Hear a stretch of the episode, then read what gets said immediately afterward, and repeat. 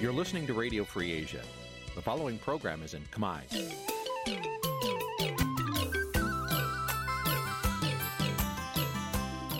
Nǐ ជាកម្មវិធីផ្សាយ Vuthu Azizi Serai នេះជាកម្មវិធីផ្សាយរបស់ Vuthu Azizi Serai ជាភាសាខ្មែរ Vuthu Azizi Serai សូមស្វាគមន៍លោកអ្នកនាងទាំងអស់ពីរដ្ឋធានី Washington នៃសហរដ្ឋអាមេរិកចាប់ ពីរដ្ឋធានី Washington នាងខ្ញុំម៉ៃសុធានីសូមជម្រាបសួរលោកអ្នកស្ដាប់ទាំងអស់ជាទីមេត្រីចាយើងខ្ញុំសូមជូនការផ្សាយសម្រាប់ព្រឹកថ្ងៃសុក្រពីកើតខែបោះឆ្នាំថោះបัญចស័កពុទ្ធសករាជ2567ហើយដល់ត្រូវនឹងថ្ងៃទី12ខែមករាគ្រិស្តសករាជ2024 ជាកិច្ចចាប់ផ្ដើមនេះនាងខ្ញុំសូមអញ្ជើញលោកអ្នកនាងកញ្ញាស្ដាប់ព័ត៌មានប្រចាំថ្ងៃដែលមានមេត្តាដូចតទៅអ្នកខ្លំមកសង្គមសង្ស័យថាគណៈបកកណ្ដាលអំណាចបង្កើតក្រុមអុកឡុកលើបណ្ដាញសង្គមលោកសំរងស៊ីប្រាប់ប្រធានាធិបតីបារាំងកុំឲ្យចាញ់បោកលោកហ៊ុនម៉ាណែត សួងយុតិធធចាប់ទទួលពាក្យបណ្ដឹង ពីភាពមិនប្រក្រតីក្នុងវិស័យតឡាការនិងដោះស្រាយស្ថានភាពលំបាករបស់ពលករនីខ្មែរមួយចំនួន នៅពេលសម្រាប់កូននៅប្រទេសថៃ រួមនឹងព័ត៌មាន សំខាន់សំខាន់មួយចំនួនទៀតចាត់ជាបន្តទៅទៀតនេះនាងខ្ញុំម៉ៅសុធានីសូមជូនព័ត៌មានទាំងនោះពឺស្ដាប់ ចាលោកនាងជាទីមេត្រីអង្គការឃ្លាំមើលសិទ្ធិមនុស្សអន្តរជាតិ Human Rights Watch បានចេញរបាយការណ៍ពិភពលោកប្រចាំឆ្នាំ2024កាលពីថ្ងៃទី11ខែមករាថាកម្ពុជា បានផ្លាស់ប្តូរនាយករដ្ឋមន្ត្រីថ្មី តែមិនបានផ្លាស់ប្តូររបៀបដឹកនាំដែលគោរពសិទ្ធិមនុស្សនិងប្រជាធិបតេយ្យនោះឡើយរបាយការណ៍ពិភពលោកកម្រាស់740ទំព័រក្នុងចំណោមប្រទេសជាង100ក្នុងពិភពលោក បានកត់ត្រាការរំលោភសិទ្ធិមនុស្សនៅកម្ពុជា កាន់តែអាក្រក់នៅឆ្នាំ2023និងការគ្រប់គ្រងអំណាចដោយគណៈបកប្រជាជនកម្ពុជា ដែលមានលោកហ៊ុនសែននៅធ្វើជាប្រធានគណៈបកហើយកូនប្រុសរបស់លោកទៅធ្វើជានាយករដ្ឋមន្ត្រីកំណត់ត្រានេះក៏បានបញ្ជាក់ទៀតថា ចាប់តាំងពីថ្ងៃទី22ខែសីហាឆ្នាំ2023មកទោះបីជាកម្ពុជាបានផ្លាស់ប្ដូរមេដឹកនាំថ្មី គឺលោកហ៊ុនម៉ាណែតជានាយករដ្ឋមន្ត្រីបន្តពីឪពុកគឺលោកហ៊ុនសែនក៏ដោយក៏ប៉ុន្តែនេះគ្រាន់តែជាការផ្លាស់ប្ដូរមនុស្សតែប៉ុណ្ណោះរីឯរបៀបនៃការដឹកនាំវិញគឺនៅដដែល។ រដ្ឋាភិបាលនៅតែប្រើប្រាស់ប្រព័ន្ធតុលាការយាយីលើអ្នករិះគន់រារាំងគណៈបកភ្លើងទៀនមិនឲ្យចូលរួមការបោះឆ្នោតឃុំសង្កាត់រដ្ឋបិទប្រព័ន្ធផ្សព្វផ្សាយឯករាជ្យនិងប្រើអំពើហិង្សាចាប់ចងអ្នករិះគន់ឥតស្រាកស្រានជាដើមនាយករងប្រចាំតំបន់អាស៊ីនៃអង្គការសិទ្ធិមនុស្សអន្តរជាតិ Human Rights Watch លោក Phil Robertson មានប្រសាសន៍ថាការផ្លាស់ប្តូរនយោបាយនៅកម្ពុជាឲ្យលោកហ៊ុនម៉ាណែតធ្វើជានាយករដ្ឋមន្ត្រីថ្មីនេះប្រៀបដូចជាយកស្រាចាស់ដាក់ទៅក្នុងដបថ្មីអញ្ចឹងដែរចានេះបាននិយាយពីសិទ្ធិមនុស្សសេរីភាព និងលទ្ធិប្រជាធិបតេយ្យលោក Phil Robertson បន្ថែមទៀតថាដៃគូពាណិជ្ជកម្មរបស់កម្ពុជា និងដៃគូអភិវឌ្ឍន៍នានាគួរតែផ្ញើសារឲ្យបានច្បាស់ ទៅកាន់រដ្ឋាភិបាលកម្ពុជាថារដ្ឋាភិបាលត្រូវតែខិតខំប្រឹងប្រែងកែលម្អការគ្រប់សិទ្ធិមនុស្សនិងលទ្ធិប្រជាធិបតេយ្យឲ្យបានពិតប្រាកដ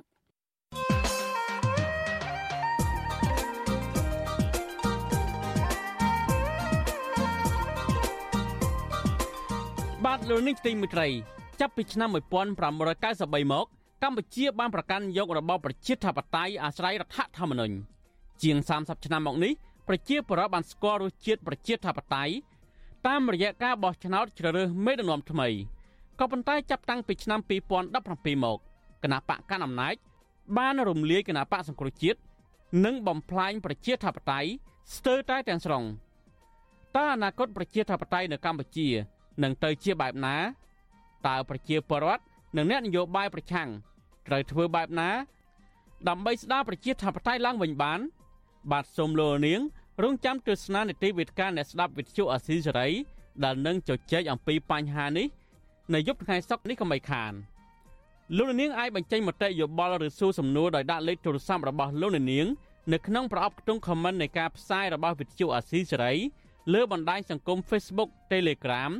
និង YouTube ក្រុមការងាររបស់យើងនឹងហៅទៅលោកនាងវិញ បាទសូមអរគុណ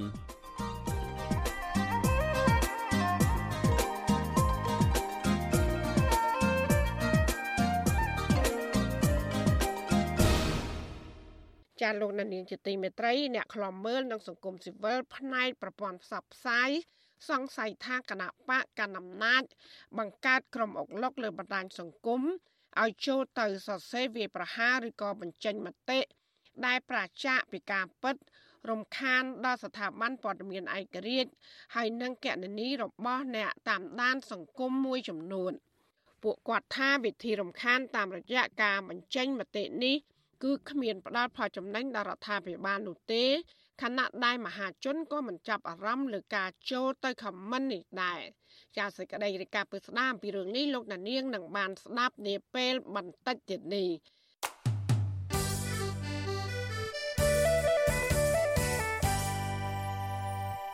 ចាលោកនានីទិមេត្រីពាក់ព័ន្ធនឹងក្រសួងយុទ្ធភ័ពវិញក្រសួងនេះចាប់ទទួលយកពាក្យបណ្ដឹងពីភាពមិនប្រក្រតីនៅក្នុងវិស័យតឡាការខណៈដែលក្រសួងក៏បានទទួលស្គាល់ថាចៅក្រមនិងតំណាងអាយកាមួយចំនួនលួចប្រព្រឹត្តកំហុសអ្នកជំនាញច្បាប់និងមន្ត្រីសង្គមស៊ីវិលយល់ឃើញថាក្រសួងយុតិធធគួរតែផ្ដល់សមត្ថកិច្ចដល់ឧត្តមក្រុមប្រឹក្សានៃអង្គចៅក្រមជាអ្នកត្រួតពិនិត្យ និងដាក់ពិន័យលើចៅក្រមនិងបរិយាអាញាចាលោកមានរដ្ឋាភិការព័ត៌មាននេះរដ្ឋមន្ត្រីក្រសួងយុទ្ធភ័ពលោកកើតរិទ្ធកាលពីថ្ងៃទី10ខែមករាបានជួបប្រជុំជាមួយថ្នាក់ដឹកនាំតឡាការនៅទូទាំងប្រទេសដើម្បីផ្សព្វផ្សាយនិងណែនាំអំពីការចាប់ផ្ដើមអនុវត្តនៅយុទ្ធនាការពង្រឹងសេវាយុទ្ធភ័ពនិងគុណភាពយុទ្ធភ័ព ក្នុងនោះមានដូចជាការបង្កើតក្រុមការងារដឹកនាំយុទ្ធនាការជំរុញនិងពន្លឿនការដោះស្រាយរឿងក្តីនៅតាមតុលាការយុទ្ធនាការត្រួតពិនិត្យនិងដោះស្រាយភាពមិនប្រក្រតីនៅតាមតុលាការជាដើមរដ្ឋមន្ត្រីក្រសួងយុទ្ធភ័ពលោកកើតរិទ្ធកាលពីថ្ងៃទី9ខែមករា ក៏បានប្រមានដកតំណែងឬចាត់វិធានការវិន័យតឹងរឹងចំពោះចៅក្រមព្រាអាញាក្រឡាបញ្ជីអាញាសាលានិងមន្ត្រីតុលាការដែលឆ្លៀតឱកាសប្រព្រឹត្តអំពើខុសច្បាប់ឬស្វែងរកផលប្រយោជន៍ផ្ទាល់ខ្លួនតាមរបៀបត្រីងៀតឆ្លៀតពងមេធាវីសឿនជំជួនលើកឡើងថាលោកគាំទ្រចំពោះយុទ្ធនាការរបស់ក្រសួងយុតិធធហើយលោករំពឹងថាយុទ្ធនាការនេះនឹងពន្លឿនដល់ដំណើរការជំនុំជម្រះក្តីដែលជាការចង់បានរបស់ពលរដ្ឋខ្មែរ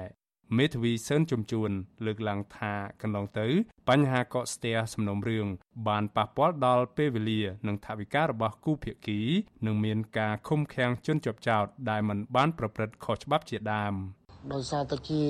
បបពិសោធន៍កន្លងមកដែលយើងមើលឃើញថាឃើញមានរឿងជាច្រើនមិនថារឿងប្រមតនមិនថារឿងស៊ីវិលទៅមានរឿងខ្លះហ្នឹងមានដំណើរការនីតិវិធីហ្នឹងមានការយឺតយ៉ាវមែនទែនហើយខ្លះហ្នឹងអូសម្លាយរហូតដល់រាប់ឆ្នាំដូចជាដើមជាងធ្វើឲ្យប៉ះពាល់ទៅដល់សិទ្ធិរបស់ជនជាប់ចោតឬក៏សិទ្ធិរបស់ជនដែលគេហៅថាជាពិរិតជនអីជាដើមណា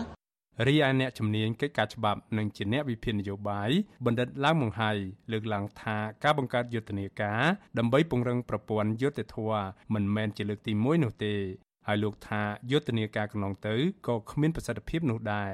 បណ្ឌិតឡើងមង្ហៃលើកឡើងថាយុទ្ធនាការដែលបង្កើតដោយក្រសួងយុទ្ធភ័ពនេះអាចបំពានសិទ្ធិទៅលើស្ថាប័នតុលាការព្រោះថាចៅក្រមនិងព្រាជ្ញាគឺស្ថិតនៅក្រោមឧត្តមក្រុមប្រឹក្សានៃអង្គចៅក្រម ដែលមានព្រះមហាក្សត្រជាប្រធានក្នុងការត្រួតពិនិត្យនិងដាក់ពិន័យចៅក្រមនិងព្រាជ្ញាបណ្ឌិតឡើងមង្ហៃបន្ថែមថាដើម្បីឲ្យតឡាការឯករាជ្យចៅក្រមនិងព្រាជ្ញាមិនមែនជាសមាជិកឬជាអ្នកបម្រើឲ្យគណៈបកនយោបាយណាមួយដើម្បីលៀបសការៈនោះទេ ហើយគឺតឡាការឯករាជ្យនៅប្រទេសអតីតកុម្មុយនីសបាទមានច្បាប់គេចែងហ្មងចៅក្រមព្រាញ្ញាឬអ្នកស៊ើបអង្កេតហាមឃាត់មិនឲ្យចូលជាគណៈបកនយោបាយនិងធ្វើសកម្មភាពនយោបាយខ្ញុំដកស្រង់ប្រហែលជាជាង10បាទសូម្បីនៅប្រទេសជប៉ុនគឺដែលចៅក្រមធ្វើចូលជាសមាជិកបកអត់បានទេ វិសុវស៊ីស្រីមិនអាចតាក់ទងសុំការឆ្លើយតបពីអ្នកនាំពាក្យក្រសួងយុតិធធលោកចិនម៉ាលីននិងរដ្ឋលេខាធិការក្រសួងយុតិធធលោកសេងឌីណាជំវិញការលើកឡើងទាំងនេះបានទេនៅថ្ងៃទី11ខែមករាសមាគមការពារសិទ្ធិមនុស្សអាត6កាលពីថ្ងៃទី2ខែមករាបានរកឃើញថាចក្រមនិងព្រាញ្ញាប្រើសិទ្ធិផ្ទុយពីគោលការណ៍ច្បាប់ សមាគមអាត6រកឃើញថាតឡាកាបានរៀបរៀងមិនអោយសាធារណជនចូលឬបណ្ដេញចេញពីបន្ទប់សវនាការមានជាង80%រារាំងមិនអោយអ្នកសារព័ត៌មានចូលឬបណ្ដេញចេញពីបន្ទប់សវនាការមានជិត70%និងតឡាការលើកពេលប្រកាសសាក្រមមានចំនួន97%ក្រៅពីនេះចៅក្រមជំនុំជម្រះបានប្រាប់ឲ្យជនជាប់ចោតសុំទោសមានជិត50% ព្រាអញ្ញាស្រែកសម្លុតនៅពេលជនជាប់ចោតមិនឆ្លើយមានចំនួន4%និងចៅក្រមឬតំណាងអាយកាសម្ដែងអាកប្បកិរិយាសម្លុតគម្រាមជនជាប់ចោតមានចំនួន10%ជាដើមប្រធានសមាគមការពារសិទ្ធិមនុស្សអាត់ហុកលោកនីសុខា មានប្រសាសន៍ថាការបង្កើតគណៈកម្មការនិងឧត្តមក្រុមប្រឹក្សានៃអង្គចៅក្រមដែលមានសមត្ថកិច្ចក្នុងការត្រួតពិនិត្យភាពមិនប្រក្រតីលើមន្ត្រីតុលាការកន្លងមកហាក់គ្មានប្រសិទ្ធភាពនោះទេ ទោះជាយ៉ាងណាលោកនីសុខាចង់ឃើញឲ្យយុទ្ធនាការនេះអនុវត្តឲ្យមានប្រសិទ្ធភាពដើម្បីជួយដល់ពលរដ្ឋជាច្រើន ដែលកំពុងទទួលរងនៅភាពអយុត្តិធម៌យើងឃើញថាកន្លងមកនេះរឿងដែលអយុត្តិធម៌នៅក្នុងតុលាការសាលាដំបងពិសេសហ្នឹងក៏ថាមានច្រើនណាស់បាទដែលការកាត់សេចក្តីមិនបានត្រឹមត្រូវមិនបានឈោកលើយុត្តិធម៌ត្រឹមត្រូវណាហើយដែលប្រជាពលរដ្ឋមានការយំសោក ដោយសារតែការសម្រេចសេចក្តីរបស់សាលាដំបងនេះគឺមានករណីច្រើនពិសេសតាក់ទងទៅនឹងករណីវិវាទដីធ្លីករណីការចាប់ខ្លួនសកម្មជនដីធ្លីណាកម្មជនព្រៃឈើសកម្មជនអីផ្សេងផ្សេង កាលពីឆ្នាំ2023អង្គការគម្រោងយុត្តិធម៌ពិភពលោកឬ World Justice Project បានដាក់ចំណាត់ថ្នាក់ប្រទេសកម្ពុជា នៅជិតបាតតារាង គឺជាប់លេខ141នៅក្នុងចំណោម144ប្រទេសនៅលើពិភពលោកជាប្រទេសដែលពូកែខាងរំលោភច្បាប់ចំណាត់ថ្នាក់ដ៏អាក្រក់បែបនេះគឺដោយសារតែមានការជ្រៀតជ្រែកផ្នែកនយោបាយពីសំណាក់រដ្ឋាភិបាលកម្ពុជា ទៅក្នុងវិស័យតុលាការខ្ញុំបានមេរិត Visual Asia ស្រី ពីរដ្ឋធានី Washington ចាលោកនានីជាទីមេត្រីនៅឯប្រទេសកូរ៉េខាងត្បូងឯនោះវិញតឡាការកូរ៉េខាងត្បូងកាលពីថ្ងៃទី11ខែមករាម្សិលមិញ បានលើកលែងការចាប់ប្រកាន់លើប្រធានធនាគារហិរញ្ញវត្ថុ DGB គឺលោកកឹមតៅអូពីបទប្រព្រឹត្តអំពើពុករលួយ នៅប្រទេសកម្ពុជា ទីភ្នាក់ងារព័ត៌មានកូរ៉េយ៉ុងហាប់ ផ្សាយថាលោកកឹមតៅអូត្រូវបានតឡាការលើកលែងការចោទប្រកាន់ពីបទសូកប៉ាន់ប្រាក់ចំនួន3លាន5សែនដុល្លារអាមេរិកដល់មន្ត្រីជាន់ខ្ពស់កម្ពុជាជាថ្នូរនឹងការទទួលបានអាជ្ញាប័ណ្ណដើម្បីបើកធនាគារពាណិជ្ជកម្មនៅប្រទេសកម្ពុជា កាលពីអំឡុងឆ្នាំ2020ធនាគារហិរញ្ញវត្ថុ DGB គឺជាក្រុមហ៊ុនហិរញ្ញវត្ថុដ៏ធំមួយ ដែលកំពុងពង្រីកសេវាកម្មរបស់ខ្លួននៅតំបន់អាស៊ីអាគ្នេយ៍ក្នុងនោះគឺមាននៅប្រទេសវៀតណាមនិងប្រទេសឡាវរដ្ឋអាជ្ញានៃតុលាការតំបន់ដេហ្គោកាលពីខែធ្នូឆ្នាំ2023កន្លងទៅក៏បានស្នើចៅក្រមឲ្យផ្តន្ទាទោសលោកកឹមតៅអូឲ្យជាប់ពន្ធនាគារចំនួន4ឆ្នាំ និងផាកពិន័យជាប្រាក់ចំនួនជាង8លានដុល្លារបន្ថែមពីនេះតឡាការតំបន់ដេហ្គោដដែល ក៏បានលើកលែងការចោទប្រកាន់ទៅលើក្រុមបពុះរបស់លោកមួយចំនួនទៀតរួមមាន ប្រធាន ប្រតិបត្តិការសកលរបស់ធនាគារអនុប្រធានធនាគារហិរញ្ញវត្ថុ DGB ព្រមទាំងមន្ត្រីមួយចំនួនទៀតដែលបានចូលរួមប្រតិបត្តិការបើកធនាគារពាណិជ្ជកម្មនេះ នៅ ប្រទេសកម្ពុជាផងដែរ ចាលោកនាងកញ្ញាជាទីមេត្រីដំណើរគ្នានឹងស្ដាប់ការផ្សាយរបស់វិទ្យុអសីស្រី តាមបណ្ដាញសង្គម Facebook YouTube និង Telegram លោកនាងក៏អាចស្ដាប់ការផ្សាយរបស់យើងតាមរយៈរលក ធាតុអាកាសខ្លីឬ Shortwave តាមកម្រិតនិងកម្ពស់ដូចតទៅចាប់ពីព្រឹកចាប់ពីម៉ោង5កន្លះដល់ម៉ោង6កន្លះតាមរយៈប៉ុស SW 93.90 MHz ស្មើនឹងកម្ពស់ 32m និងប៉ុស SW 11.85 MHz ស្មើនឹងកម្ពស់ 25m ចាសម្រាប់ពេលយប់វិញ គឺចាប់ពីម៉ោង7កន្លះដល់ម៉ោង8កន្លះគឺតាមរយៈប៉ុស SW 93.30 MHz ស្មើនឹងកម្ពស់ 32m ប៉ុស SW 11.88 MHz ស្មើនឹងកម្ពស់ 25m និងប៉ុស SW 15.15 MHz ស្មើនឹងកម្ពស់ 20m ចាសសូមអរគុណចាលោកនាយកជាទីមេត្រីពីប្រទេសបារាំងមេដឹកនាំបពប្រឆាំងផ្ញើសារប្រាប់ប្រធានាធិបតីបារាំងកុំឲ្យចាញ់បោកលោកហ៊ុនម៉ាណែតនៅឆ្នាំ2024 ដូចជាការចាញ់បោកលហ៊ុនសែនកាលពីឆ្នាំ2022ដោយលោកចោទថាឪពុកនឹងកូននេះ គឺជាត្រកូលផ្ដាច់ការការផ្ញើសាររបស់លោកសំរងស៊ីបែបនេះស្របពេលដែលលោកនាយករដ្ឋមន្ត្រីហ៊ុនម៉ាណែតក្រុងទៅបំពេញទស្សនកិច្ចនៅប្រទេសបារាំងនៅសប្តាហ៍ក្រោយ។ចាលោកថាថៃរាយការណ៍ព័ត៌មាននេះមេបកប្រឆាំងដែលកំពុងនិរទេសខ្លួនក្នុងប្រទេសបារាំងផ្ញើសារប្រាប់ប្រធានាធិបតីបារាំងលោកអេម៉ានូអែលម៉ាក្រុង ថាលោកហ៊ុនម៉ាណែតមិនខុសពីឪពុករបស់លោកនោះទេគឺមានចរិតផ្ដាច់ការបំផ្លាញជាតិជិះជាន់អ្នកប្រជាធិបតេយ្យនិងធ្វើបាបប្រជាពលរដ្ឋលោកសំរងស៊ីបានសរសេរនៅលើគណនី Facebook របស់លោកនៅថ្ងៃទី11មករាថាប្រធានាធិបតីបារាំងគូតែបញ្ឈប់ការចាញ់បោកលោកហ៊ុនម៉ាណែតដោយកាលពីជំនួបជាមួយលោកហ៊ុនសែនទៀតព្រោះលោកនឹងត្រូវបានក្រុមលោកហ៊ុនម៉ាណែតផ្ដល់ព័ត៌មានមិនពិតអំពីប្រទេសកម្ពុជា លោកសំរងស៊ីបន្តថាដំណើរទស្សនកិច្ចរបស់លោកហ៊ុនម៉ាណែតទៅបារាំងនៅថ្ងៃទី18និងទី19ខែមករាខាងមុខនេះកំពុងធ្វើឲ្យប្រជាជនកម្ពុជាបារម្ភអំពីផលវិបាកនានា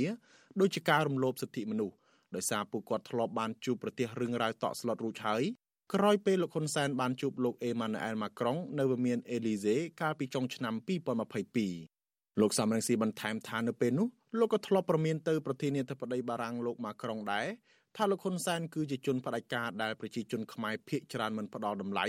និងត្រូវបានថ្កោលទោសគ្រប់ទិសទីដោយសហគមន៍ពិភពលោកនៃប្រជាជាតិប្រជាធិបតេយ្យ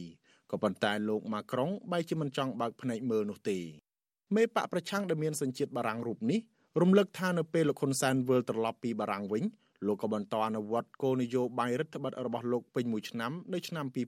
2023ករណីទាំងនោះដូចជាការចាប់ខ្លួនអនុប្រធានគណៈបកភ្លឹងទៀនលោកថៃសិដ្ឋា ការបិទវិទ្យុសម្លេងប្រជាធិបតេយ្យ VOD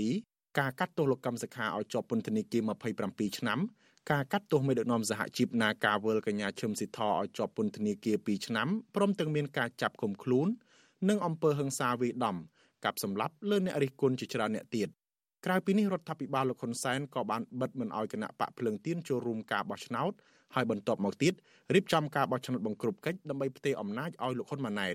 បើទោះបីជាមានបទពិសោធន៍អាក្រក់បែបនេះក្តីក៏នៅក្នុងលិខិតអញ្ជើញលោកហ៊ុនម៉ាណែតទៅបារាំងនោះប្រធានាធិបតីបារាំងមិនបានលើកឡើងមួយម៉ាត់អំពីស្ថានភាពសិទ្ធិមនុស្សនៅកម្ពុជានោះទេ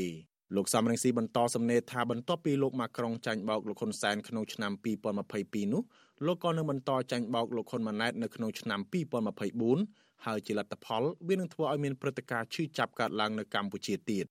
ទោះជាយ៉ាងណាថ្នាក់ដឹកនាំគណៈបកសង្គ្រោះជាតិប្រចាំប្រទេសបារាំងនឹងមិនរៀបចំធ្វើបាតុកម្មប្រឆាំងវត្តមានលោកហ៊ុនម៉ាណែតនោះទេដោយគ្រាន់តែសរសេរលិខិតផ្សេងផ្សេងគ្នាទៅប្រធានាធិបតីបារាំងដើម្បីស្នើសុំឲ្យលោកជំរុញទៅរដ្ឋាភិបាលកម្ពុជាឲ្យគោរពតាមកិច្ចព្រមព្រៀងសន្តិភាពទីក្រុងប៉ារីសស្ដារសិទ្ធិមនុស្សនិងលទ្ធិប្រជាធិបតេយ្យឡើងវិញឆ្លើយតបនឹងរឿងនេះអ្នកនាំពាក្យគណៈបកកណ្ដាលអំណាចលោកសុកអេសានថ្លែងថាបេសកកម្មរបស់លោកហ៊ុនម៉ាណែតទៅបារាំងនោះ គឺដើម្បីស្វែងរកផលប្រយោជន៍ជូនជាតិនិងប្រជាជនមិនមែនទៅបង្កចំនួនដោយការលើកឡើងរបស់មេបកប្រឆាំងនោះទេចំពោះផលប្រយោជន៍អ្វីនោះយើងរំចាំមើលទាំងអស់គ្នាថាតើបារាំងធ្វើការគៀបសង្កត់ប្រមុខរាជរដ្ឋាភិបាលកម្ពុជាដូចដែលពួកប្រឆាំងចង់បានឬមួយក៏យើងឃើញថាមានការពង្រឹងពង្រីកទំនាក់ទំនងទ្វេភាគីរវាងបារាំងកម្ពុជានេះទៅបានកម្រិតណាអានឹងយើងមិនទាន់អាចទេទុកបានទេ បាទគឺតែគោលបំណងនិងសំណូមពរនៃដំណើរទស្សនកិច្ចនេះគឺទៅរមិតផ្ទុយពីការលើកឡើងនេះប្រធានក្រុមប្រឹក្សា23តុលាឆ្នាំ1991លោកប៉ែនវ៉ាណូយល់ថាដំណើរទស្សនកិច្ចរបស់លោកហ៊ុនម៉ាណែតទៅប្រទេសបារាំងនោះគឺជាការស្វែងរកមុខមាត់ផ្ទាល់ខ្លួននិងការចង់បានការទទួលស្គាល់ភាពស្របច្បាប់នៃការឡើងកាន់អំណាចរបស់លោកជាជាងការស្វែងរកផលប្រយោជន៍ជូនជាតិនិងប្រជាជន លោកប៉ែនវ៉ាណូបន្តថាការសរសេរលិខិតរបស់ក្រុមលោកសំរងស៊ីទៅប្រធានាធិបតីបារាំងគឺជារឿងមួយក៏ប៉ុន្តែលោកសោកស្ដាយដែលលោកសំរងស៊ីនិងសហការីរបស់លោកមិនបានដឹកនាំធ្វើបាតុកម្មប្រឆាំងវត្តមានលោកហ៊ុនម៉ាណែតទោះជាយ៉ាងណាលោកឲ្យដឹងថាក្រុមប្រឹក្សា23ដុល្លាររបស់លោកនិងដឹកនាំធ្វើបាតុកម្មប្រឆាំងវត្តមានលោកហ៊ុនម៉ាណែតនៅទីក្រុងប៉ារីសដើម្បីទាមទារឲ្យប្រធានាធិបតីបារាំងជួយអន្តរាគមន៍ដោះស្រាយបញ្ហាចាក់ស្រេះជាច្រើននៅកម្ពុជារួមទាំងបញ្ហាសិទ្ធិមនុស្ស លទ្ធិប្រជាធិបតេយ្យព្រមទាំងបញ្ហាឯករាជ្យភាពនិងអធិបតេយ្យភាពរបស់កម្ពុជា សម្រាប់ថ្ងៃបាតកម្មក្នុងនាមនៃបាតកោទាំងអស់ហ្នឹងយើងស្នើសុំឲ្យលោកម៉ាក្រុងក្នុងថ្នាក់លោកជាសហប្រធានសន្និសីទក្រុងប៉ារីកាំ23ដុល្លារ1991ហ្នឹងប្រើអធិបុលរបស់លោកបខំឲ្យលោកហ៊ុនម៉ាណែតនឹងគោរពកិច្ចព្រមព្រៀងក្រុងប៉ារីឡើងវិញគឺថាក្នុងថ្នាក់នេះសាទី1សូមឲ្យបខំដល់ផ្ទាល់ព្រោះជាឱកាសដ៏ល្អដែលបានជួបផ្ទាល់មាត់ហើយហើយហ៊ុនម៉ាណែតឪពុកគាត់នោះអ្នកសញ្ញាអីហើយអត់គ្រប់សោះ នៅមុនពេលលោកហ៊ុនម៉ាណែតចេញដំណើរទៅប្រទេសបារាំងនេះក្រុមមន្ត្រីរបស់លោកក៏កំពុងចាប់ផ្ដើមយុទ្ធនាការគីកោប្រជាពលរដ្ឋនិងនិស្សិតខ្មែរនៅទ្វីបអឺរ៉ុបឲ្យបង្ហោះសារគាំទ្រនិងត្រៀមរងចាំស្វាគមន៍មេដឹកនាំរូបនេះអ្នកខ្លមើលយល់ថានិស្សិតគឺជាក្រុមបញ្ញវន្តរៀនសូត្រចេះដឹងជ្រៅជ្រះដូច្នេះគួរតែផ្ដល់សិទ្ធិឲ្យពួកគាត់បញ្ចេញមតិយោបល់ឲ្យរដ្ឋាភិបាលធ្វើរឿងដែលមានប្រយោជន៍ពលគឺក្រុមលោកហ៊ុនម៉ាណែតមិនគួរប្រើប្រាស់ពួកគាត់ដើម្បីថតវីដេអូនិយាយគាំទ្រលោកហ៊ុនម៉ាណែត ដែលគ្រាន់តែទៅប្រទេសបារាំងដើម្បីកេងចំណេញនយោបាយនោះទេដោយឡែកស្របពេលលោកហ៊ុនម៉ាណែតត្រៀមទៅប្រទេសបារាំងនេះដែរក្រុមស្ត្រីថ្ងៃសុកដែលជាប្រពន្ធកូនរបស់មន្ត្រីគណៈបកប្រឆាំងកំពុងជាប់ឃុំកាលពីរសៀលថ្ងៃទី10ខែមករាក៏បានស្នើសុំឲ្យរដ្ឋាភិបាលបារាំងតាមរយៈស្ថានទូតបារាំងនៅកម្ពុជាឲ្យជួយអន្តរាគមន៍ទៅរដ្ឋាភិបាលកម្ពុជាឲ្យដោះលែងអ្នកជាប់ឃុំនយោបាយនិងអ្នកទោសមនសិការឲ្យមានសេរីភាពឡើងវិញខ្ញុំថាថៃពីទីក្រុងមែលប៊ន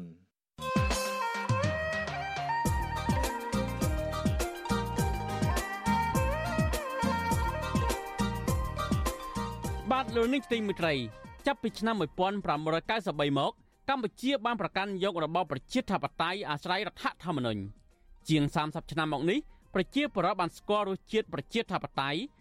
តាមរយៈការបោះឆ្នោតជ្រើសរើសមេដឹកនាំថ្មីក៏ប៉ុន្តែចាប់តាំងពីឆ្នាំ2017មកគណៈបកកណ្ដាលអំណាចបានរំលាយគណៈបកសង្គ្រោះជាតិនិងបំផ្លាញប្រជាធិបតេយ្យស្ទើរតែទាំងស្រុងតើអនាគតប្រជាធិបតេយ្យនៅកម្ពុជា នឹងទៅជាបែបណាតើប្រជាពលរដ្ឋនិងអ្នកនយោបាយប្រឆាំងត្រូវធ្វើបែបណា ដើម្បីស្ដារប្រជាធិបតេយ្យឡើងវិញបាន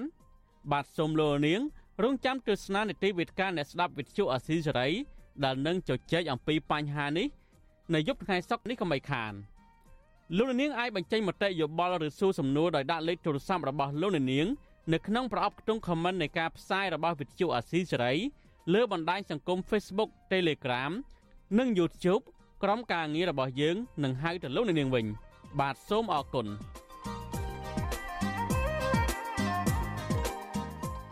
ចាលោកនាងជាទីមេត្រីពាក់ព័ន្ធនឹងគណៈបពប្រឆាំងនៅឯប្រទេសកម្ពុជាវិញ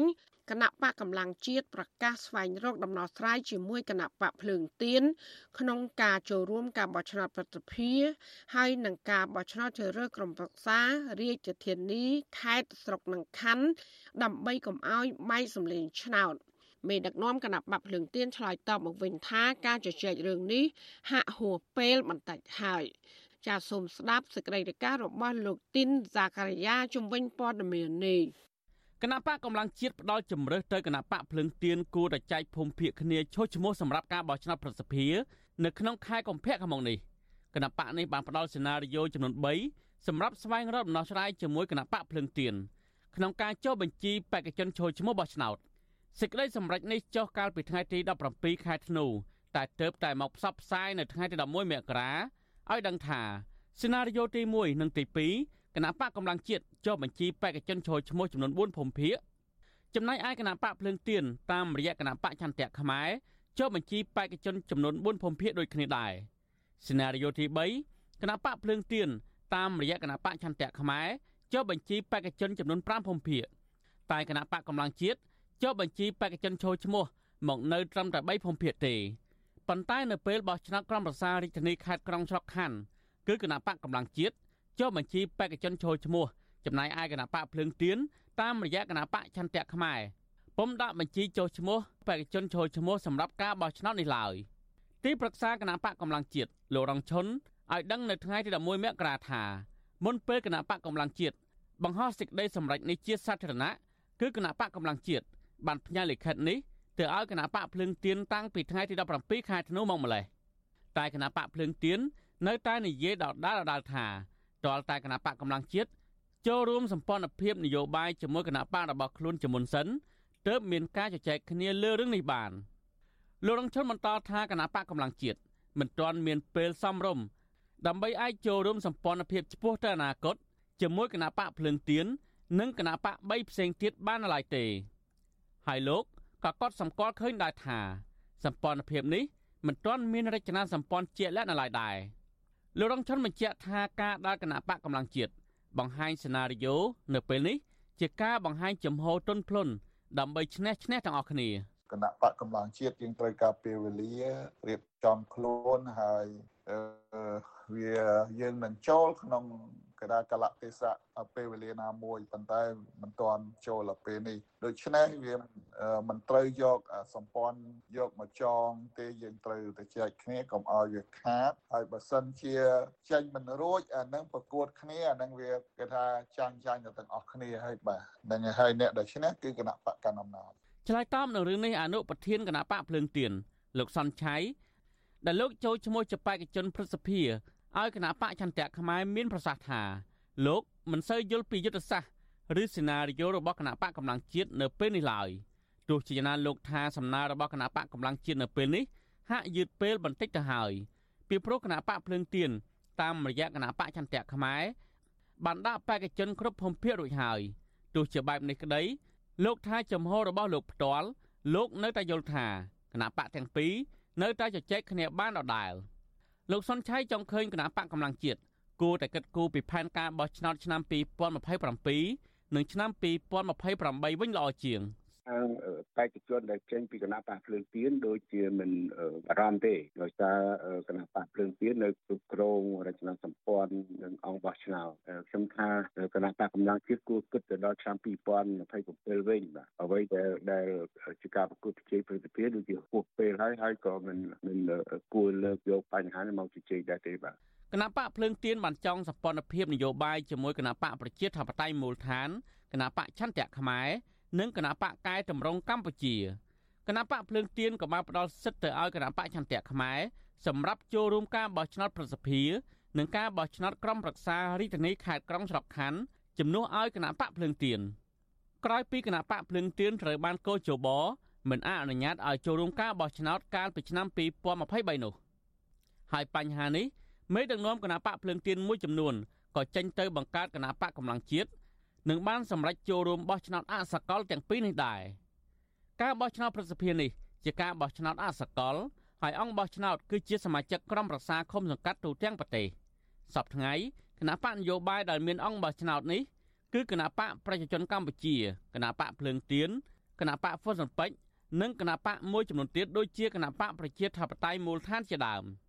នាយកប្រតិបត្តិអង្គការឃ្លាំមើលការបោះឆ្នោតនៅកម្ពុជាហៅកាត់ថា Netflix លោកសំគុណធីមីលើកឡើងថាគណៈបកនយោបាយទាំងពីរដណ្ដើមអង្គបោះឆ្នោតគ្នាតែមួយដូចនេះនឹងធ្វើឲ្យសម្លេងឆ្នោតថយចុះហើយអាចធ្វើឲ្យគណៈបកទាំងពីរប្រឈមនឹងការបាត់បង់អាសនៈប្រសិទ្ធភាពទាំងអស់តែម្ដងលោកបន្តថាបើទោះបីជាអង្គបោះឆ្នោតរបស់គណៈបកទាំងពីរនេះមកពីគណៈបកភ្លើងទៀនតែមួយក្តីប៉ុន្តែមិនប្រកាសថាអង្គបោះឆ្នោតទាំងអស់នឹងបោះឆ្នោតជូនគណៈបកចន្ទៈខ្មែរតែមួយនោះទេដូច្នេះអ្នកជំនាញកិច្ចការបោះឆ្នោតរូបនេះ ចង់ឃើញគណៈបកទាំងពីរជជែកគ្នារកដំណោះស្រាយនៅមុនពេលបោះឆ្នោតហើយយើងមិនដឹងថាក្នុងគណៈបកពីរហ្នឹងនរណាមានប្រជាប្រិយជាងដែលអាចទាញស្លឹកឆ្នោតពីក្រុមប្រឹក្សាគុំសកាត់របស់ភ្លើងទៀតហ្នឹងបានច្រើនទេណាយើងក៏អត់ប្រកាសដែរណាបាទការបោះឆ្នោតប្រសិទ្ធភាពនឹងប្រព្រឹត្តទៅ នៅថ្ងៃទី25កុម្ភៈខាងមុខដោយមានគណៈបកចំនួន4ចូលរួមគឺគណៈបកប្រជាជនកម្ពុជាគណៈបកចន្ទៈខ្មែរគណៈបកកម្លាំងជាតិនិងគណៈបកហ្វុនស៊ុនពេជ្រ ខ្ញុំបាទទីនសាការីយ៉ាអស៊ីសេរីពីរដ្ឋធានីវ៉ាស៊ីនតោនចាលោកនាងកញ្ញាកំពុងស្ដាប់ការផ្សាយរបស់វិទ្យុអាស៊ីសេរីផ្សាយចេញពីរដ្ឋធានី Washington ពលករនីខ្មែរមួយចំនួនធ្វើការងារនៅប្រទេសថៃជួបការលំបាកក្នុងពេលសម្រាប់កូនដោយសារតែគ្មានអ្នកមើលថែទាំ និងខ្វះភាពកក់ក្ដៅពីក្រុមគ្រួសារ ចាបន្ថែមពីនេះកូនកូនរបស់ពួកគេក៏មានការពិបាកក្នុងការធ្វើសម្បត្តិកំណើតដែរជាពិសេសគឺអ្នកដែលធ្វើការងារខុសច្បាប់នៅប្រទេសថៃចាសេចក្តីរាយការណ៍ពុស្ដាមពីរឿងនេះលោកណានៀងក៏នឹងបានស្ដាប់នាពេលបន្តិចទៀតនេះ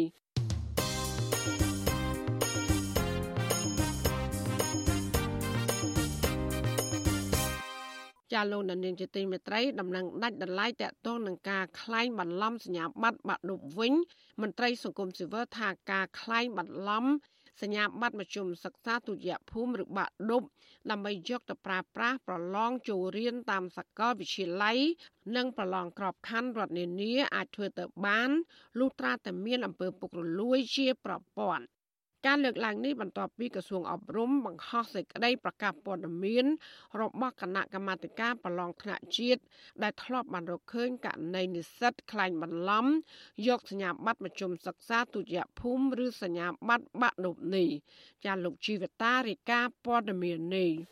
ក្រសួងអប់រំយុវជននិងកីឡា នៅថ្ងៃទី11មករាបានបង្ហោះសេចក្តីប្រកាសព័ត៌មានរបស់គណៈកម្មាធិការប្រឡងថ្នាក់ជាតិ នៃទីស្តីការគណៈរដ្ឋមន្ត្រីលើគេហទំព័រផ្លូវការស្តីពីការក្លែងបន្លំសញ្ញាបត្រមធ្យមសិក្សាទុតិយភូមិដើម្បីដាក់ពាក្យប្រឡងចូលរៀននៅតាមគ្រឹះស្ថានសិក្សាបណ្ដុះបណ្ដាលវិស័យសុខាភិបាលគណៈកម្មាធិការប្រឡងថ្នាក់ជាតិឲ្យដឹងថាកន្លងទៅគណៈកម្មាធិការបានរកឃើញនិស្សិតក្លែងបន្លំសញ្ញាបត្រមធ្យមសិក្សាទុតិយភូមិហើយប្រឡងចូលរៀននៅតាមគ្រឹះស្ថានបណ្ដុះបណ្ដាលក្នុងវិស័យសុខាភិបាល និងបានលុបឈ្មោះនិស្សិតទាំងនោះចេញពីបញ្ជីឈ្មោះនិស្សិតប្រឡងទៀតផងគណៈកម្មាធិការប្រឡងថ្នាក់ជាតិបញ្ជាក់ថាខ្លួននឹងពង្រឹងការអនុវត្តច្បាប់និងបទបញ្ជានានាតាមបទបញ្ញត្តិស្តីពីបទក្លែងបន្លំឯកសារសាធារណៈដែលជនបង្កត្រូវផ្ដន្ទាទោសដាក់ពន្ធនាគារពី5ឆ្នាំទៅ10ឆ្នាំនិងមិនលើកលែងចំពោះអ្នកប៉ុនប៉ងឬអ្នកក្លែងបន្លំសញ្ញាបត្រមធ្យមសិក្សាទុតិយភូមិ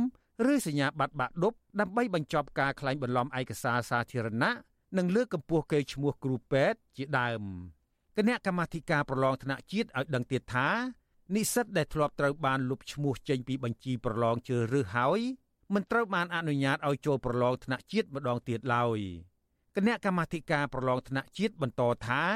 អាជ្ញាធរនឹងដកហូតសញ្ញាបត្រប្រកបវិជ្ជាជីវៈពេទ្យវិញ នៅពេលរកឃើញថាបុគ្គលនោះទទួលសញ្ញាបត្រ ក្រោយពីបន្លំឯកសារសាធារណៈវិទ្យុអាស៊ីសេរីនៅមិនទាន់អាចតាក់ទងអ្នកនាំពាក្យក្រសួងអប់រំយុវជននិងកីឡាលោកកាន់ពុទ្ធីនិងអ្នកនាំពាក្យអង្គភាពប្រឆាំងអំពើពុករលួយលោកសយច័ន្ទវិចិត្រដើម្បីសូមអត្ថាធិប្បាយជុំវិញបញ្ហានេះបាននៅឡើយទេនៅថ្ងៃទី11មករាដោយទូរស័ព្ទចូលតែគ្មានអ្នកទទួលទោះជាយ៉ាងណាប្រធានសមាគមគ្រូបង្រៀនកម្ពុជាឯករាជ្យអ្នកស្រីអុកឆាយាវីមានប្រសាសន៍ថា អ្នកស្រីធ្លាប់បានដឹងអំពីការក្លែងបន្លំសញ្ញាបត្រមជ្ឈមសិក្សាទុតិយភូមិនេះពីមុនមកហើយអ្នកស្រីថាអំពើពុករលួយជាប្រព័ន្ធបែបនេះមិនមែនអ្នកតូចតាចថ្នាក់ក្រោមអាចធ្វើបាននោះទេខ្ញុំសួរថាមូលហេតុអីបានខ្លែងបានព្រោះអីអ្នកកាន់ត្រាអ្នកចុះហត្ថលេខា គឺសត្វតែជាមន្ត្រីជាន់ខ្ពស់ហើយសួរថាហេតុអីបានឲ្យយកត្រានឹងមកខ្លែងបន្លំហើយស្រែកថាអត់ដឹងអីផងអ្នកខ្លែងបន្លំចេះតែខ្លែងបាននេះជារឿងមួយដែលប្រទេសខ្មែរយើងហ្នឹងតែងតែចង្អុលចោតដាក់គ្នាទោះថានៅពេលដែលគេខ្លែងបានដោយសារតែគេថាពាក្យចាស់គេថាអីខ្មោចខ្មោចស្រុកឲ្យដៃបានខ្មោចព្រៃហ្នឹងវាហ៊ានណាណាតាក់ទងនឹងបញ្ហានេះអតីតមន្ត្រីជាន់ខ្ពស់នៃមន្ទីរសុខាភិបាលខេត្តបៃលិននិងជាមន្ត្រីគណៈបកភ្លើងទៀនលោកខឹមមុនីកុសល ដែលកំពុងភៀសខ្លួននៅក្រៅប្រទេសថ្លែងថាអំពើពុករលួយជាដើមហេតុនៃការក្លែងបន្លំសញ្ញាបត្របាក់ឌុបការប្រឡងចូលរៀននៅតាមសាលាបណ្ដុះបណ្ដាលវិស័យសុខាភិបាល និងការប្រឡងក្របខ័ណ្ឌមន្ត្រីរាជការជាដើម លោកថាបញ្ហានេះបង្ហាញពីកំសោយនៃការដឹកនាំរបស់រដ្ឋាភិបាល និងប៉ះពាល់ធ្ងន់ធ្ងរចំពោះសវត្ថិភាពសុខភាពសាធារណៈប្រសិនបើរកមិនឃើញអ្នកខ្លាញ់បន្លំឯកសារដែលកំពុងប្រកបរបរវិជ្ជាជីវៈពេទ្យ អំពើពុករលួយវាមិនមែនផ្ដើមចេញពីថ្នាក់តូចទេគឺអាថ្នាក់ធំបើយើងមើលទៅបើកសាលាឯកជនមួយមួយមិនមែនមិនមែនថ្នាក់ខេត្តឬក៏ថ្នាក់ក្រុងជាអ្នកសញ្ញេឲ្យបើកទេណាបើអត់មានខ្សែធំរហូតទៅដល់ឧបនាយករដ្ឋមន្ត្រីយុរដ្ឋមន្ត្រីនៅពីក្រោយសញ្ញេអីទេគឺបើកអត់បានទេអញ្ចឹងប្រព័ន្ធហ្នឹងវាវាវាបានចាក់គ្រឹះមួយជ្រៅណាធ្វើឲ្យសង្គមជាតិរបស់យើងនឹងធ្លាក់ទៅក្នុងអំពើគេហៅថាបោកប្រាស់ពុករលួយហ្នឹងវាវាស៊ីជម្រៅណាស់អញ្ចឹងដើម្បីអាចកែប្រែប្រព័ន្ធហ្នឹងបាន គឺបើយើងត្រូវមើលទៅលើរបៀបនៃការដឹកនាំកាលពីឆ្នាំ2022គណៈកម្មាធិការប្រឡងថ្នាក់ជាតិធ្លាប់បានលុបឈ្មោះនិស្សិតប្រឡងជ្រើសរើសចូលរៀននៅតាមគ្រឹះស្ថានបណ្ដុះបណ្ដាលវិស័យសុខាភិបាលចំនួន43នាក់ដែលជាអ្នកលួចបន្លំសម្រាប់ឆ្នាំ2019ដល់ឆ្នាំ2020ដែលបានក្លែងបន្លំសញ្ញាបត្រមធ្យមសិក្សាទុតិយភូមិឬសញ្ញាបត្របាក់ឌុប មន្ត្រីសង្គមស៊ីវិលលើកឡើងថាដើម្បីធានាគុណភាពប្រឡងចូលរៀនក្នុងវិស័យសុខាភិបាលនិងការជ្រើសរើសក្របខ័ណ្ឌមន្ត្រីរាជការលុះត្រាតែរដ្ឋាភិបាលមានឆន្ទៈពិតប្រាកដក្នុងការលុបបំបាត់អំពើពុករលួយជាប្រព័ន្ធជាមុនសិនទើបអាចជ្រើសរើសបានមន្ត្រីមានសមត្ថភាពនិងចំណេះដឹងពិតប្រាកដខ្ញុំជីវិតាអាស៊ីសេរី លោកដានៀងជាទីមេត្រីយើងបានទទួលសំណូមពរពីអ្នកស្ដាប់និងអ្នកទស្សនារបស់យើងច្រើនណាស់ថាកុំឲ្យដាក់ចំណងជើងផ្ទុយពីខ្លឹមសារនៃព័ត៌មានឧទាហរណ៍ដូចជាដាក់ចំណងជើងថា Vivo ហើយលោកហ៊ុនសែនត្រូវតឡាការប្រំពន្ធអន្តរជាតិ ICC យកទៅកាត់ទោសជាដើមក៏ប៉ុន្តែនៅពេលដែលចុចស្ដាប់ទៅ គឺមិនលឺនិយាយអំពីរឿងនេះសោះចាយើងខ្ញុំសូមជម្រាបថាការដាក់ចំណងជើង ដែលខុសពីខ្លឹមសារទាំងនេះ គឺជាការបោកប្រាស់របស់ក្រុមរកស៊ីតាម YouTube ដើម្បីរកលុយតែប៉ុណ្ណោះពួកគេបានលួចយកខ្លឹមសារនៃការផ្សាយរបស់វិទ្យុអសីស្រី ទៅកាត់តរួចបដូរចំណងជើង តាមរបៀបប្លែកប្លែកហួហេតុដែលខុសពីការពិតក្នុងគោលបំណងតាក់ទាញចិត្តលោកនាងឲ្យចុចស្ដាប់ឬទស្សនាដើម្បីបាន view ឬក៏បានអ្នកចូលទស្សនាច្រើន មានអ្នកចុចស្ដាប់កាន់តែច្រើនពួកគេក៏កាន់តែរកប្រាក់បានច្រើននោះដែរចាទីស្រីមិនដែលដាក់ចំណងជើងខុសពីខ្លឹមសារនោះទេលោកអ្នកនាងកញ្ញាអាចចូលរួមទប់ស្កាត់ការបោកប្រាស់ទាំងនេះបានដោយឈប់ចុចស្ដាប់ឬក៏ទស្សនាការចុះផ្សាយណាមួយដែលដាក់ចំណងជើងខុសប្លែកគួរសង្ស័យទាំងនេះចាជាពិសេសទៅទៀតគឺដើម្បីស្ដាប់ឬក៏ទស្សនាការផ្សាយពិតរបស់អាស៊ីសេរី សូមលោកដានៀងកញ្ញាចូលទៅក្នុង Channel របស់អាស៊ីសេរីតែម្ដង ដែលមានអាសយដ្ឋាន www.youtube.com/rfa ខ្មែរចាសសូមអរគុណចាលោកនានីជាទីមេត្រីអ្នកខ្លំមើលនិងសង្គមស៊ីវិលផ្នែកប្រព័ន្ធផ្សព្វផ្សាយសង្ស័យថាគណៈបកកណ្ដាលអំណាចបង្កើតក្រុមអុកលុក លើបណ្ដាញសង្គមឲ្យចូលទៅសរសេរវាយប្រហារឬក៏បញ្ចេញមតិដែលប្រាចាកពីការពិត រំខានដល់ស្ថាប័នព័ត៌មានឯករាជ្យនិងកណនីរបស់អ្នកតាមដានសង្គមមួយចំនួន ពួកគាត់លើកឡើងថាវិធីរំខានតាមរយៈការបញ្ចេញមតិនេះគឺគ្មានផ្ដល់ផលចំណេញដល់រដ្ឋាភិបាលនេះទេខណៈដែលមហាជនក៏មិនចាប់អារម្មណ៍លើការចូលទៅខមមិននេះដែរ ចាលោកយ៉ងច័ន្ទរាមានសេចក្តីរាយការណ៍ជំវិញព័ត៌មាននេះអ្នកតាមដានស្ថានភាពនយោបាយកម្ពុជា សង្ស័យថាកងកម្លាំងការពារជាតិដែលស្ថិតនៅក្រោមការគ្រប់គ្រងរបស់រដ្ឋាភិបាលលោកហ៊ុនម៉ាណែតគឺជាអ្នកធ្វើសកម្មភាពអុកឡុកសម្លេងរិះគន់លើបណ្ដាញសង្គមនិងប្រព័ន្ធផ្សព្វផ្សាយឯករាជ្យមួយចំនួនសកម្មភាពអុកឡុកឆាឆៅទាំងនេះបង្ហាញតាមរយៈការតាមដាននិងការបង្កើតព្រឹត្តិការណ៍បង្វែរស្ថានភាពលើបណ្ដាញសង្គមការបង្កើតក្រុមចូលទៅបញ្ចេញមតិ ដើម្បីរំខានកម្មវិធីផ្សាយរបស់សារព័ត៌មានឯករាជ្យនិងការប្រឌិតរឿងដើម្បីវាយបកលើសង្គមស៊ីវិលនិងសារព័ត៌មានជាដើមពលរដ្ឋខ្មែររស់នៅប្រទេសជប៉ុនលោកស្រីម៉ាស់ភីរ៉ាក៏សម្គាល់ថា នៅរយៈពេលចុងក្រោយនេះមានគណនី Facebook ជាច្រើន បានចូលទៅបញ្ចេញមតិដោយមានអត្តន័យរិះគន់និងចោទប្រកាន់នៅលើខ្លឹមសារគណនី Facebook របស់លោកស្រី ជាពិសេសនៅពេលលោកស្រីចែករំលែកព័ត៌មានដែលលាតត្រដាងពីអំពើពុករលួយរបស់រដ្ឋាភិបាលកម្ពុជា ល្បិចកិច្ចកលបែបហ្នឹងគ្មានប្រសិទ្ធភាពទេហើយបងប្អូនជនរួមជាតិដែលគិតថា comment ហ្នឹងគួរណាស់តែ report មានពេលវេលា report ក៏ report ទៅ តែសំខាន់ខ្ញុំគិតថាយើងកុំចំណាយពេលជាមួយរឿងអត់ប្រយោជន៍ account ខ្មោចអីអញ្ចឹងយើងសុខចិត្តយកពេលវេលាយើងពង្រឹងសមត្ថភាពយើងតាមដានព័ត៌មានសង្គមជាតិល្អជាជាងក្រៅពីចូលទៅ comment លើគណនីរបស់សកម្មជនសង្គមហើយនោះក្រុមអ្នកអុកឡុកជាច្រើនដែលគណនីរបស់ពួកគេ ចេញពីប្រភពកងកម្លាំងប្រដាប់អាវុធកងអង្គរៈនិងសកម្មជនរបស់គណៈបកប្រជាជនកម្ពុជានោះបានចូលទៅបញ្ចេញមតិនៅក្នុងការផ្សាយរបស់ស្ថាប័នសារព័ត៌មានមួយចំនួនដូចជាវិទ្យុអាស៊ីសេរីសារព័ត៌មាន VOD និងសារព័ត៌មាន The Cambodia Daily ជាដើមដែលគណនី Facebook ទាំងនោះហាក់កំណត់ពេលវេលាច្បាស់លាស់និងទៀងទាត់នៅក្នុងការចូលទៅ comment ព្រមៗគ្នា នៅពេលផ្សាយផ្ទាល់ម្ដងម្ដង ដែលធ្វើឲ្យតួលេខខ្ទង់ comment ពេលខ្លះឡើងទៅដល់ចំនួនរាប់ពាន់រហូតដល់រាប់ម៉ឺនឯណោះត្រឹមតែរយៈពេល1ម៉ោងរីឯប្រយោគដែលពួកគេសរសេរនៅក្នុងប្រអប់ comment មានប្រយោគដូចដូចគ្នាឬស្រដៀងគ្នា ដូចជាដល់ម៉ោងឈួតហើយផ្សាយលំអៀងឬពូកែខាងបំផ្លាស់ជាដើមនាយកប្រតិបត្តិវិទ្យុសម្លេងប្រជាធិបតេយ្យ VOD លោកប៉ាងុនទៀងចាត់ទុកក្រុម comment ដែលលោកហៅថាជា MMO របស់រដ្ឋាភិបាលនេះគឺជាយុទ្ធសាស្ត្ររបស់គណៈបកកណ្ដាលអំណាច នៅក្នុងការធ្វើទុកបុកម្នេញលើប្រព័ន្ធផ្សព្វផ្សាយឯករាជ្យក្រោយពេលដែលរដ្ឋាភិបាលបានលុបអាជ្ញាប័ណ្ណទាំងបំពេញហើយនោះលោកយល់ថាបើមើលពីជ្រុងម្ខាងទៀតការសម្រុកចូលទៅ comment ដើម្បីរំខានការផ្សាយរបស់សារព័ត៌មានឯករាជ្យនេះមិនចំណេញអ្វីដល់រដ្ឋាភិបាលឡើយផ្ទុយទៅវិញ ការវាយប្រហារនេះ ហាក់ដូចជាជួយផ្សព្វផ្សាយឲ្យប្រព័ន្ធផ្សព្វផ្សាយឯករាជ្យកាន់តែល្បីនិងធ្វើឲ្យប្រជាពលរដ្ឋមើលឃើញកាន់តែច្បាស់ពីចេតនាអាក្រក់របស់រដ្ឋាភិបាលនិងអស់ទំនុកចិត្តលើប្រព័ន្ធឃោសនាមួយចំនួនដែលបំរើឲ្យគណៈបកកណ្ដាលអំណាច ខាង MMO ឬក៏ក្រុមដែលរៀបចំដោយរដ្ឋាភិបាលធ្វើការ comment ដោយភាសាមិនសមរម្យហើយអាច report ដើម្បីរំខានដល់ page view ខាងខ្ញុំរហូតដល់ឥឡូវនេះมันមានការព្រួយបារម្ភណាមួយទេដោយសារពួកខ្ញុំបានធ្វើការផ្ទាល់ជាមួយនឹងខាងក្រុមហ៊ុនមេតាដែរយើងដូច្នេះទៅគេស្គាល់យើងគេដឹងថាយើងជាក្រុមអីក្រិចយើងជាក្រុមវិជ្ជាជីវៈលោកប៉ាងុនទៀងឲ្យដឹងថា កាលពីដើមខែមករាមានអ្នកលួចចូលទៅគ្រប់គ្រងគណនី TikTok និង YouTube ផ្លូវការរបស់ VOD តែត្រូវបានជួយសង្គ្រោះមកវិញខណៈក្រុមអ្នកបច្ចេកទេសអះអាងថាក្រុមចៅព័ត៌មានវិទ្យាទាំងនេះស្ថិតនៅក្រោមការបញ្ជារបស់រដ្ឋាភិបាលកម្ពុជារដ្ឋាភិបាលរបស់លោកហ៊ុនម៉ាណែតក៏ត្រូវបានគេសង្ស័យថានៅមានមនុស្សមួយក្រុមទៀតដែលធ្វើការជាមួយក្រុមខមមិននេះដែរនោះគឺក្រុមបង្វែរព្រឹត្តិការណ៍ដើម្បីវាយបកសង្គមស៊ីវិលនិងសារព័ត៌មានឯករាជ្យដែលក្រុមនេះ មានអាជ្ញាធរជាអ្នកចុះអនុវត្តដោយមានមន្ត្រីជាន់ខ្ពស់ជាអ្នកនៅពីក្រោយ។ក៏ប៉ុន្តែក្រុមទាំងពីរនេះហាក់មិនទាន់មានជំនាញនៅក្នុងការងារបំភ្លៃព័ត៌មាននេះនៅឡើយដែលធ្វើឲ្យមហាជន នៅតែមើលធ្លុះពីការពិតនៅពីក្រោយឆាក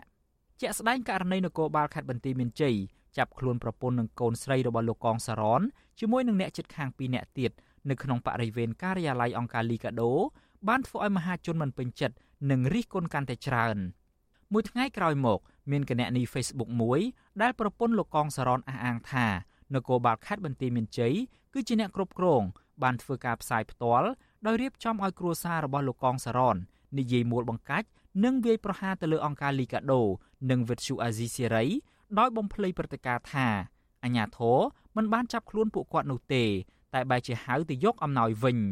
ជាមួយគ្នានេះគណនី Facebook ដែលអាញាធរយកមកផ្សាយផ្ទាល់នោះ ហាក់មានការរៀបចំជាប្រព័ន្ធនិងមានទំនាក់ទំនងជាមួយនាយករងខុទ្ទកាល័យលោកនាយរដ្ឋមន្ត្រីហ៊ុនម៉ាណែតគឺលោកប៉ាន់ខែមប៊ុនថនដោយនៅក្នុងការ live នោះមានគណនី Facebook ជាច្រើន ដែលទៅនឹងបង្កើតថ្មី បានចូលទៅបញ្ចេញមតិដូចដូចគ្នាថាអរគុណដែលនិយាយពីការពិតឬគ្រប់គ្រងការបកស្រាយជាដើមវិទ្យុអាស៊ីសេរីមិនទាន់អាចតាក់ទងប្រធានអ្នកនាំពាក្យរដ្ឋាភិបាល លោកប៉ែនបូណា និងអ្នកនាំពាក្យក្រសួងព័ត៌មានលោកទេពអាសនារិទ្ធ ដើម្បីសុំការបកស្រាយអំពីរឿងនេះបានទេនៅថ្ងៃទី11ខែមករា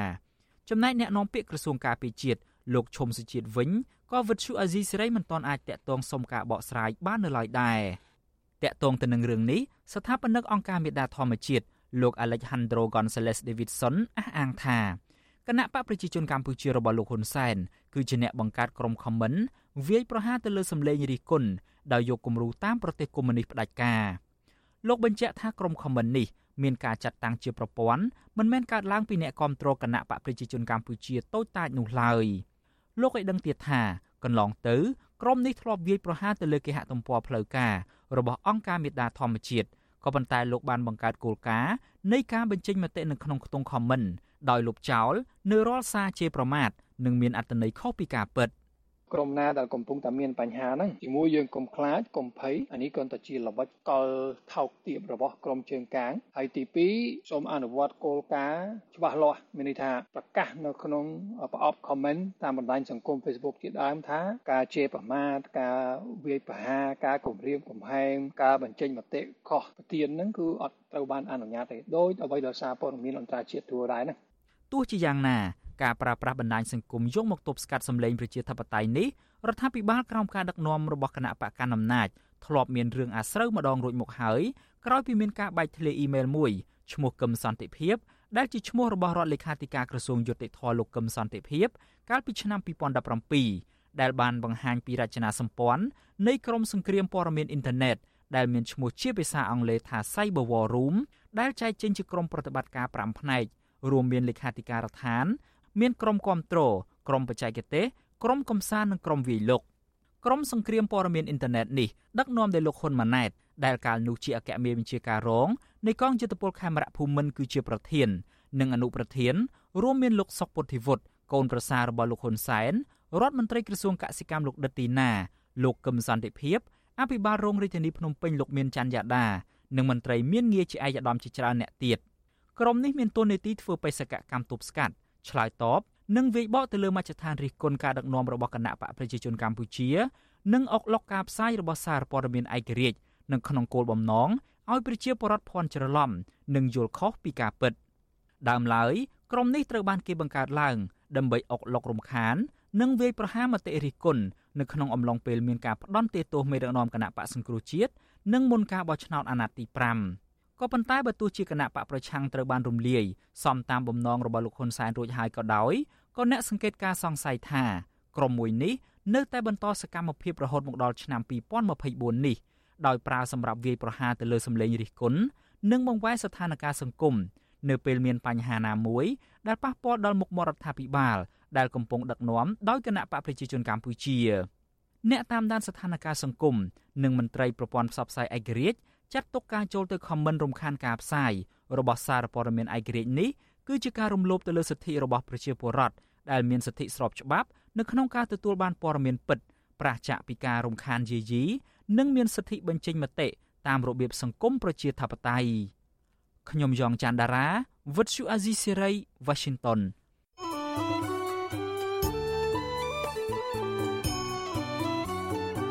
លោកដានៀងជាទីមេត្រីក្នុងឱកាសនេះដែរនាងខ្ញុំសូមថ្លែងអំណរគុណដល់លោកដានៀងកញ្ញាទាំងអស់ដែលតែងតែមានភក្ដីភាពចំពោះការផ្សាយរបស់យើងហើយចាត់ទុកការស្ដាប់វិទ្យុអសីសេរី គឺជាផ្នែកមួយនៃសកម្មភាពប្រចាំថ្ងៃរបស់លោកអ្នកការគ្រប់គ្រងរបស់លោកដានៀងនេះហើយដែលធ្វើយើងខ្ញុំមានទឹកចិត្តកាន់តែខ្លាំងថែមទៀតក្នុងការស្វែងរកនិងផ្តល់ព័ត៌មានជូនដល់លោកដានៀង ចាំមានអ្នកស្ដាប់អ្នកទេសនាកាន់តែច្រើនកាន់តែធ្វើឲ្យយើងខ្ញុំមានភាពស្វាហាប់មោះមុតជាបន្តទៀតចាយើងខ្ញុំសូមអរគុណទុកជាមុនហើយក៏សូមអញ្ជើញលោកដានៀងកញ្ញាចូលរួមជំរុញឲ្យសកម្មភាពផ្ដល់ព័ត៌មានរបស់យើងនេះ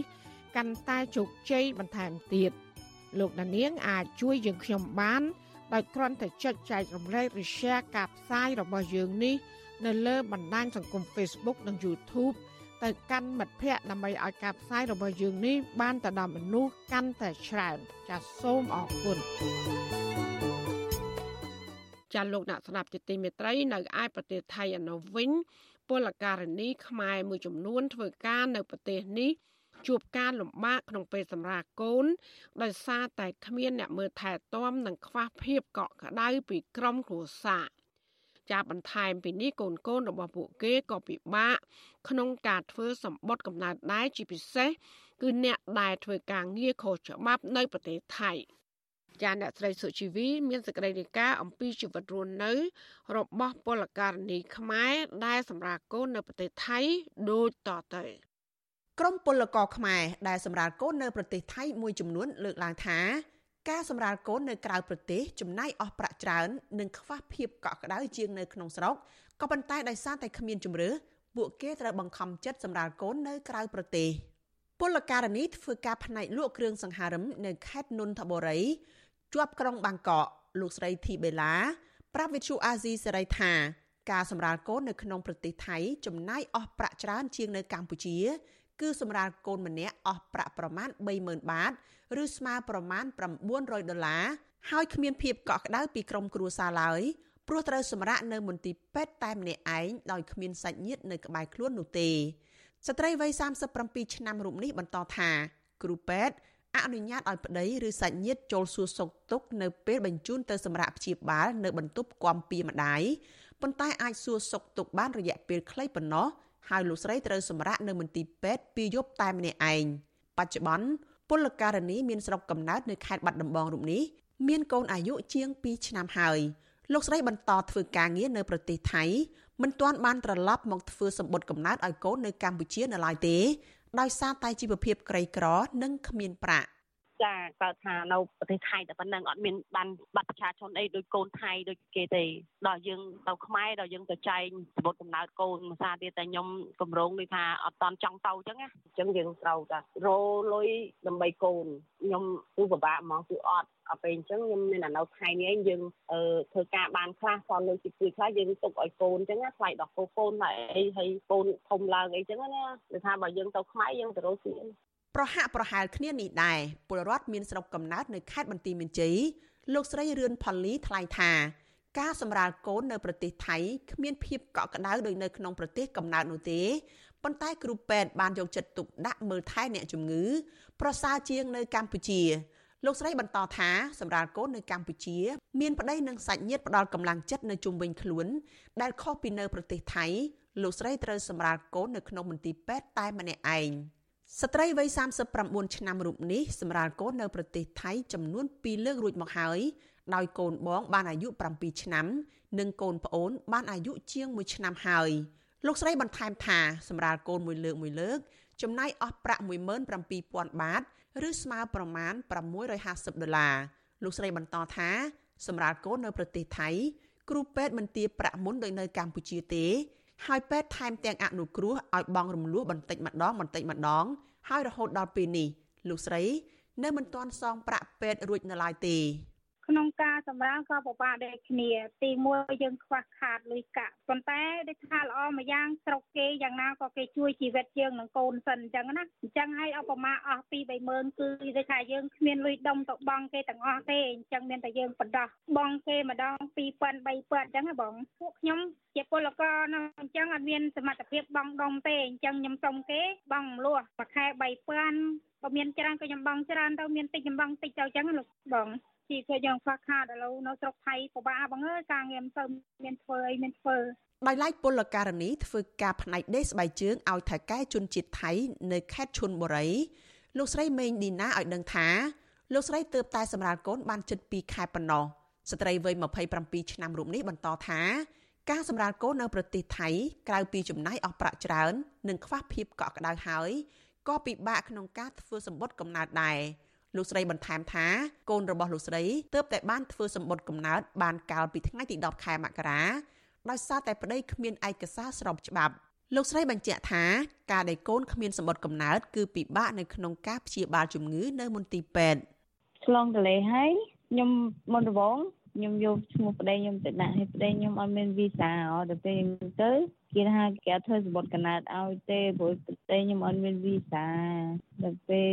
សើមិញខ្ញុំទៅមួយគាត់កុហកគេថាខ្ញុំអត់មានប្តីប្តីខ្ញុំហត់ចោលបានគេធ្វើឲ្យខ្ញុំបើគេថាមានប្តីគេអត់ធ្វើឲ្យខ្ញុំទេព្រោះប្តីខ្ញុំអត់មានវីសា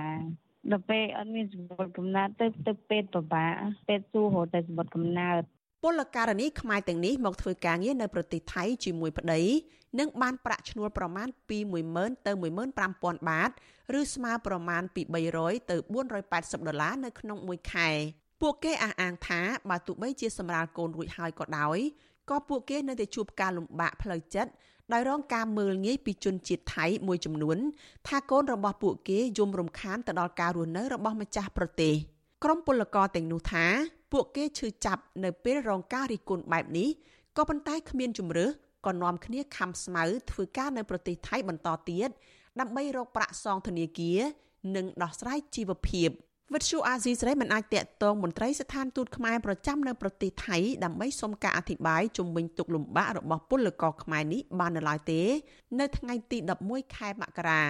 ប៉ុន្តែកន្លងទៅនាយករដ្ឋមន្ត្រីលោកហ៊ុនម៉ាណែត បានប្រកាសពីគោលនយោបាយគាំទ្រឲ្យពលរដ្ឋខ្មែរធ្វើចំណាក់ស្រុកទៅធ្វើការនៅក្រៅប្រទេសដើម្បីឲ្យមានការងារធ្វើហើយលោកថាករណីបែបនេះមិនមែនមានតែនៅកម្ពុជានោះទេ ទន្ទឹមនឹងនេះលោកអះអាងថាកន្លងទៅ មន្ត្រីរបស់លោកដែលប្រចាំការនៅក្រៅប្រទេស ជាពិសេសនៅប្រទេសថៃបានយកចិត្តទុកដាក់ចំពោះសុខទុក្ខពលករខ្មែរចំណាក់ស្រុកតាមរយៈការអន្តរាគមន៍ផ្ដល់ជំនួយផ្លូវច្បាប់ម្ហូបអាហារនិងផ្ដល់សេវាផ្សេងទៀត។ ជុំវិញរឿងនេះមន្ត្រីផ្នែកការពារសិទ្ធិពលករចំណាក់ស្រុកនៃអង្គការសង្ត្រាល់ប្រចាំនៅប្រទេសថៃលោកលឹងសុផុនឲ្យដឹងថាសប្តាហ៍ថ្ងៃនេះពលករខ្មែរដែលសម្រាលកូននៅប្រទេសថៃជាច្រើនអ្នកតែងមករកអន្តរាគមពីអង្គការលោកឲ្យជួយផ្លូវច្បាប់ដើម្បីធ្វើសម្បត្តិកំណើតឲ្យកូនរបស់ពួកគេលោកបន្តថាពលករសម្រាលកូននៅប្រទេសថៃជួបការលំបាកច្រើនជាងនៅក្នុងប្រទេសកំណើតជាពិសេសពលករដែលមកធ្វើការងារដោយខុសច្បាប់ លោកបញ្ជាក់ថាអាញាធរថៃមិនធ្វើសម្បត្តិកំណើតឲ្យកូនរបស់ពលករភ ieck ច្រើនដោយសារតែពួកគេគ្មានទឹកធការស្នាក់នៅស្របច្បាប់លោកថាបញ្ហានេះបង្កការលំបាកដល់ពលករធ្វើឲ្យពួកគេមិនយកកូនទៅព្យាបាលជំងឺនៅតាមមន្ទីរពេទ្យបានឡើយ។ គាត់ខាតបង់ច្រើនណាស់បាទអញ្ចឹងធ្វើឲ្យជីវិតពួកគាត់នឹងលំបាកវេទនាអញ្ចឹងអញ្ចឹងមានតែវិលត្រឡប់ទៅខ្មែរវិញប៉ុន្តែភាគច្រើនគាត់ថាទៅខ្មែរក៏គាត់អត់មានអីអញ្ចឹងគាត់នៅតស៊ូតែនៅក្នុងប្រទេសថៃនឹងទៅហើយគាត់រងចាំឲ្យថកែដំណើរការរឿងរ៉ាវឲ្យគាត់នឹងឲ្យបានត្រឹមត្រូវតាមច្បាប់ក៏មានដែរតែកន្លងមកឃើញថាពលករដែលគាត់អត់មានឯកសារអញ្ចឹងគាត់ទៅចិត្តស៊ូលំបាកអញ្ចឹងនៅហើយពេលខ្លះទៅបើបានខ្ញុំដឹងក៏ខ្ញុំព្យាយាមជួយពួកគាត់ឲ្យគាត់ធ្វើឯកសារឲ្យដើម្បីទៅស្នើសុំធ្វើសម្បត្តិកំណត់ហើយដើម្បីទៅយើងទៅបើកអត្ថប្រយោជន៍ផ្សេងៗដែលបាននៅក្នុងប្រកាន់សង្គមដែលគេកំណត់មកថាត្រូវបានអីខ្លះអញ្ចឹងណាលោកលឹងសុផុនបន្តថាដើម្បីដោះស្រាយបញ្ហានេះមុនពេលទៅធ្វើការងារនៅប្រទេសថៃពលករគួរធ្វើលិខិតឆ្លងដែននិងមានទឹកតការធ្វើការងារឲ្យបានស្របច្បាប់ឲ្យបានត្រឹមត្រូវលោកលឹងសុផុនបន្តថាដើម្បីដោះស្រាយបញ្ហានេះមុនពេលទៅធ្វើការងារនៅប្រទេសថៃពលករគួរធ្វើលិខិតឆ្លងដែន និងមានទឹកធការធ្វើការងារដោយស្របច្បាប់ឲ្យបានត្រឹមត្រូវបន្ថែមពីនេះលោកស្នើរដ្ឋាភិបាលគួរតែផ្សព្វផ្សាយការយល់ដឹងពីបញ្ហាពលករសម្រាលកូននៅប្រទេសថៃពិបាកនាំកូនទៅព្យាបាលនៅមន្ទីរពេទ្យនៅក្នុងពេលឈឺស្កាត់ដើម្បីកុំឲ្យពួកគេមានបញ្ហាដូចសពថ្ងៃទៀតរបាយការណ៍របស់ក្រសួងការងារកម្ពុជាឲ្យដឹងថាបច្ចុប្បន្នមានពលករខ្មែរជាង1លាន2សែននាក់ធ្វើការនៅប្រទេសថៃប៉ុន្តែរបាយការណ៍របស់អង្គការសង្ត្រាល់បង្ហាញថា ពលករខ្មែរធ្វើការដោយស្របច្បាប់ និងមិនស្របច្បាប់នៅក្នុងប្រទេសថៃអាចមានចំនួនជាង2លាននាក់ដោយមួយចំនួនពួកគាត់ទទួលរងការរំលោភបំពានសិទ្ធិការងារនិងបាត់បង់ផលប្រយោជន៍ដែលប៉ះពាល់ដល់បញ្ហាផ្នែកសេដ្ឋកិច្ចគ្រួសារនាងខ្ញុំសុជីវីវិទ្យុអាស៊ីសេរីពីរដ្ឋធានី Washington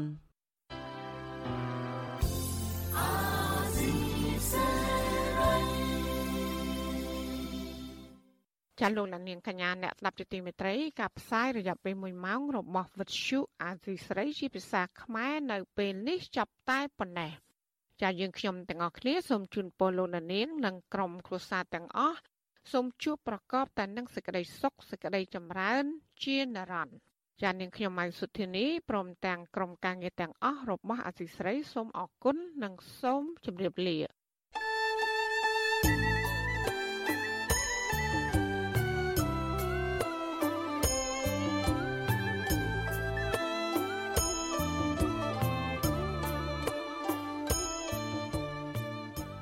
ទ្យុអេស៊ីសរ៉ៃផ្សាយតាមរលក ធារកាសខ្លីតាមកម្រិត និងកម្ពស់ដូចតទៅនេះ ពេលព្រឹកចាប់ពីម៉ោង5កន្លះដល់ម៉ោង6កន្លះតាមរយៈប៉ុស SW 93.90 MHz ស្មើនឹងកម្ពស់ 32m និងប៉ុស SW 11.85 MHz ស្មើនឹងកម្ពស់ 25m ពេលយប់ចាប់ពីម៉ោង7កន្លះដល់ម៉ោង8កន្លះតាមរយៈប៉ុស SW 93.30 MHz ស្មើនឹងកម្ពស់ 32m ប៉ុស SW 11.88 MHz ស្មើនឹងកម្ពស់ 25m និងប៉ុស SW 15.15 MHz ស្មើនឹងកម្ពស់ 20m លោកអ្នកនាងក៏អាចស្ដាប់និងទស្សនាការផ្សាយផ្ទាល់នៅលើគេហទំព័រ Visual Asia សេរីតាមរយៈអាសយដ្ឋាន rfa.org/ ខ្មែរក្រៅពីនេះលោកអ្នកនាងក៏អាចអាននិងទស្សនាព័ត៌មាន Visual Asia សេរីលើទូរស័ព្ទដៃរបស់លោកអ្នកនាងផ្ទាល់ សូមអញ្ជើញលោកអ្នកនាងដំឡើងកម្មវិធី Vithu Azizi សេរីនៅលើទូរស័ព្ទដៃរបស់លោកអ្នកនាងឬស្វែងរក Vithu Azizi សេរីនៅលើ YouTube ឬ Facebook ដោយស្វែងរកពាក្យថា Vithu Azizi សេរីឬ RFA ខ្មែរសូមលោកអ្នកនាងចុច like follow និងចុច subscribe ដើម្បីទទួលបានព័ត៌មានថ្មីៗតាមហេតុការណ៍និងទស្សនាវីដេអូផ្សេងៗទៀតបានគ្រប់ពេលវេលា យើងខ្ញុំសូមជូនពរដល់លោកអ្នកនាងព្រមទាំងក្រុមគ្រួសារទាំងអស់ឲ្យជួបប្រកបតែនឹងសេចក្តីសុខសេចក្តីចម្រើនរុងរឿងកុំបីឃ្លៀងឃ្លាតឡើយ។